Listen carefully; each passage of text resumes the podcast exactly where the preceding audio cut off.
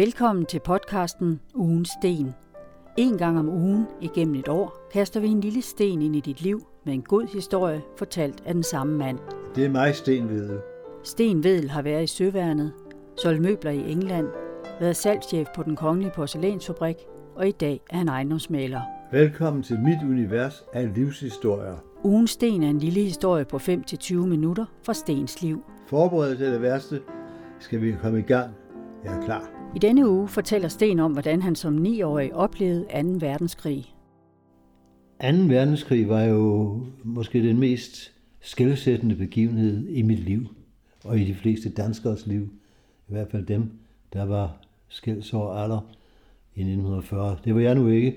Jeg var kun 9 år, men jeg husker det jo tydeligt. Og dengang der boede vi så i en villalejlighed på Frederiksberg, sammen med min mormor og min øh, moster.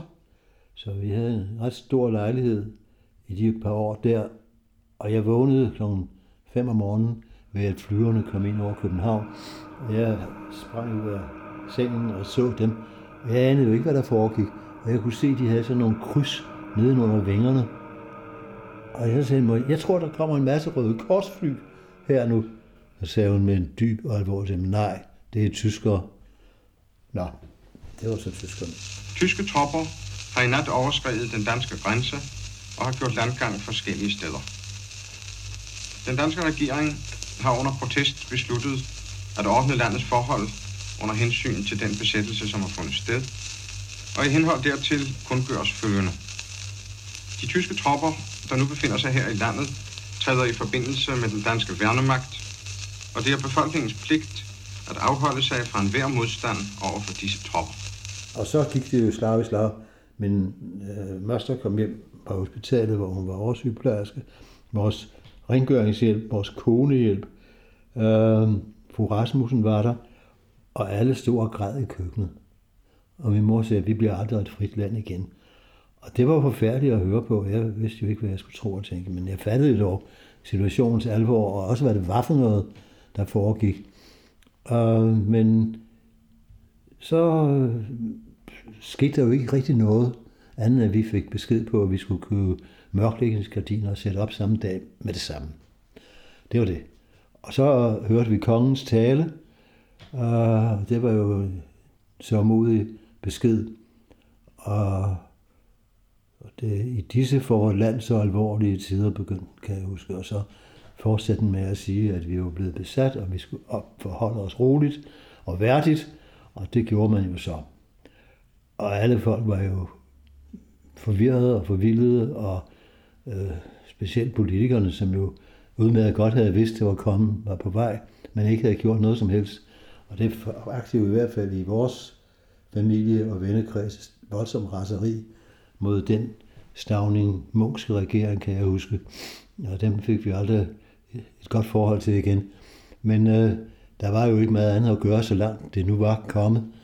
Så vi tog sådan der gangen, og for den almindelige dansker var livet jo ikke forfærdeligt ændret. Altså, vi fik nogle rationeringer, som vi skulle sørge for at klare os med, men vi sultede jo aldrig under krigen. Uh, øh, nej, uh, vi fik lidt kedeligere mad. Uh, jeg husker noget, der hed folkelever på steg, og min mor sagde på et tidspunkt i slutningen af krigen, når jeg kommer i himlen, vil jeg hverken have lever på steg eller kødpølse. Og det var også det værste. Nå, men øh, krigen gik, og jeg gik i skole. Jeg var kommet i skole der øh, i 1937 og øh, gik på den lokale kommuneskole. Og øh, det var udmærket. Vi havde en fin lærer, herr Dresting. Øh, og jeg øh, startede så anden klasse, øh, springer første klasse over, men anden klasse på Søndermarksskolen, og der, den lå inden for gå- og cykelafstand. Og det var jo nogle forfærdeligt kolde vintre. Altså vi havde ned til 31, jeg tror 33 graders frost den enkelt nat. Og der var en dag, hvor jeg blev holdt hjemme, fordi min mor sagde, ellers risikerer du, at dine ører falder af. Og så skulle jeg jo ikke ud. Uh, men uh, det blev bedre vejr, og jeg gik i skole, og jeg havde ikke noget imod at gå i skole. Jeg havde et lille sammenstød med en lidt større dreng i klassen, der hed Jørgen. Og en gang, hvor vi gik ud fra skolen, så gav han mig bare en på næsen, så den blødte. Og jeg var så forbløffet, jeg reagerede ikke. Jeg gik hjem. Og så sagde min mor, hvad er der sket? Ja, Jørgen havde skidt med en blodtud. Og Sten, nu skal du høre. Hvis du nu tager et æble med i morgen og giver Jørgen, tror du så ikke, I kunne blive gode venner? Så så jeg på hende, som om hun var fuldstændig åndssvag. Og sagde nej. Så gik jeg i skole næste dag og rottede mig sammen med tre-fire af mine gode venner, og så tævede vi Jørgen. Og det hjalp. Derefter havde jeg ikke noget med, jeg blev aldrig mobbet, hverken før havde jeg været mobbet eller siden, men øh, der havde min mor jo altså sit kristne grundsyn, og det kan jeg godt respektere, men det var altså ikke det, der virkelig battede i skolegården den dag. Det var altså rå magt. Men krigen fortsatte jo, og vi oplevede jo lidt øh, strammere tider på mange måder.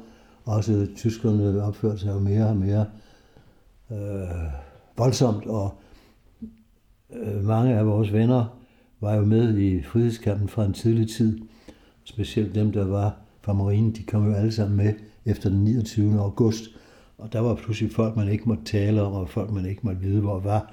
Og det var jo sådan en, en mærkelig ting. Vi havde også et par illegale møder hjemme hos os, ved jeg nu. Men det vidste jeg ikke dengang. Det fik vi jo ikke noget at vide om. Min mor sagde ingenting, for det kunne jo være farligt. Men jeg ved, at der var nogle illegale møder med kommandør Mørk, Mr. Dark.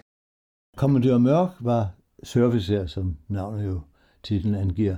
Han var også øh, min fars bedste ven i marinen, og han var meget øh, involveret i efterretningstjenesten.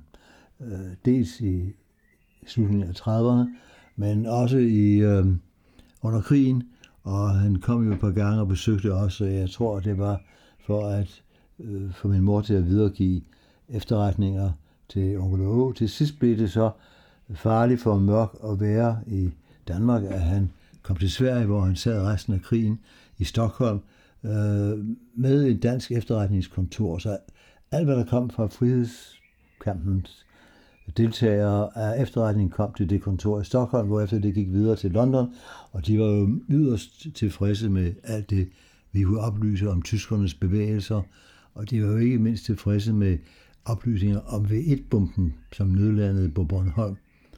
Men Mørk var min søsters gudfar. Han var en ejendomlig personage. Han var meget lille, det vil sige, han var nok ikke mere end 61 høj. Han havde en næse så krum som en ørn. Ikke at han var af jødisk slægt overhovedet, men han hed kaptajn Dunkelhorn i blandt venner, eller Mr. Dark hos os. Og en meget mærkelig episode var, at den øh, 9. August 43, hvor min søster blev, øh, hvad blev hun, øh, 11 år, fik hun et brev fra Sverige med en messingstjerne i. Dengang vidste jeg det ikke, men det var ikke længe før jeg fandt ud af, at det var en jødestjerne. Hvordan i alverden skulle han, og hvorfor skulle han sende hende en jødestjerne? Jo, det var selvfølgelig et aftalt signal om, at nu skulle man være forberedt på jødeforfølgelser i Danmark.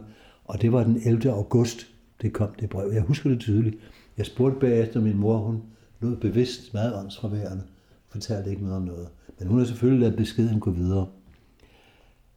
Ja, der kan jo siges utrolig meget, og man kan tale længe om krigen, men vi kom jo igennem den, og majdagen i 45 var jo helt vidunderlig, og det er jo det andet højdepunkt, og det bedre højdepunkt. Besættelsen var ikke et højdepunkt, men det var et, et afgørende punkt. Befrielsen var et fest. Den 4. maj 45 bliver aldrig glemt. Min mors store opgave i livet var jo at sørge for, at min søster og jeg kom helskældet igennem barndom, ungdom og til voksenalderen. Det var ligesom hendes pagt med min afdøde far, at det skulle hun nok sørge for. Det gjorde hun også. Og vi havde en lykkelig barndom. Og jeg havde et godt forhold til min mor, dog på et tidspunkt, så øh, lagde jeg en vis afstand, fordi hun havde altså øh, brug for inderlighed. Og det er jo ikke noget, der sådan ligger til smådrengen. De vil jo hellere ud og fiske eller noget andet, ikke sandt? Men hun havde sådan et behov for, at nu skal vi rigtig tale sammen. Og, nu skal vi... og det fik jeg gjort hende klart på en, håber jeg, nænsom måde på et meget tidligt tidspunkt, at øh, jeg var glad for, at hun var min mor, men altså, jeg skulle jo ikke være hendes øh, nærmeste fortrolige. Og det holdt hun.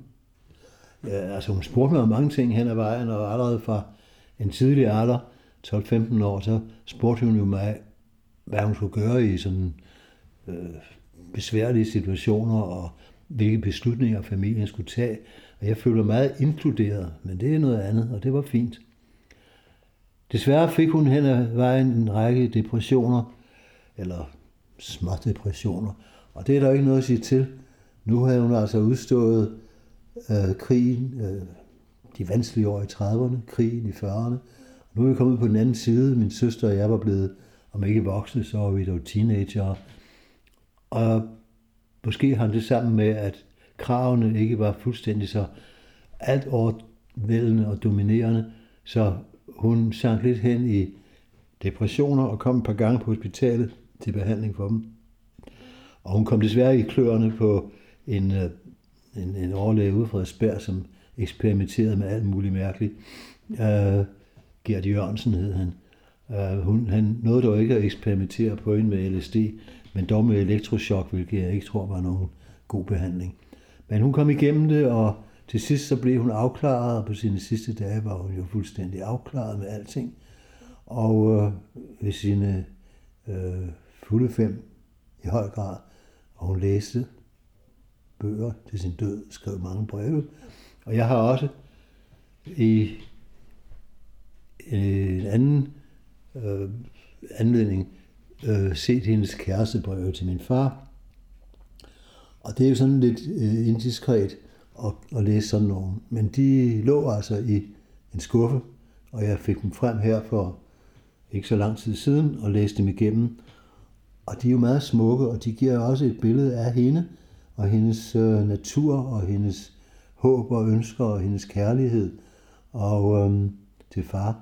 Og øh, øh, jeg er glad for, at jeg læste dem, fordi de er jo alligevel skrevet på en så, skal vi sige, øh, modest måde, at man ikke tager skade af at læse dem. De nærmer sig jo selvfølgelig det erotiske, men de skriver det ikke på en måde, så man ikke kan læse det med udmærket fornemmelse bagefter.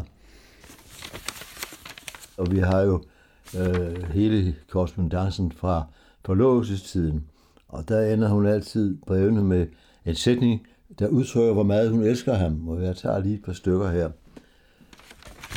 Der er en fra september 30. Så må du eje det godt og vide, at du er den eneste, som jeg vil gifte mig med. Den 14. oktober ved du, at jeg domer dig bedst. I love, love and love you from yours little Margaret. Der er jo lidt af hver. Øhm, jeg har tidligere nævnt ordet domer, som betyder elsker, og man brugte også i en vedelske ordbog ordet eje i stedet for at have. Og igen her, ja, du kan tro, at jeg kender dette, at der er øjeblikke, hvor man kun tænker på, at det er godt at have en af dome, og du ved ikke, og jeg glæder mig til at dome dig helt og fuldt, når vi skal være mand og kone. Der er jo lidt af værd i den hilsen. Og de breve, de øh, er vigtige, synes jeg, fordi det sker de et meget bedre billede af hende, end jeg selv kunne gøre ved at beskrive hende. Og det så beskriver de jo også en epoke i Danmark i slutningen af 20'erne, begyndelsen af 30'erne, med al den politik, politiske uro, der var. Nej, ikke men man skal ikke tro, at, øh, at Socialdemokratiet var en selvfølgelig løsning på alle danskers ønsker og håb i 20'erne. Det var nogenlunde del 50-50. Og øh, vi var jo ikke socialister i vores familie, og vi synes jo hverken om Stavning eller politikken eller Munk eller andre, men måtte jo erkende, at det var dem, der havde magten. Og sådan var det bare. Og det har vi jo også levet med, og i retrospekt må man jo nok sige, at Danmark kunne ikke have undværet Socialdemokratiet. Ugen Sten består af 52 podcast. På hjemmesiden ugensten.dk kan du finde flere oplysninger om serien.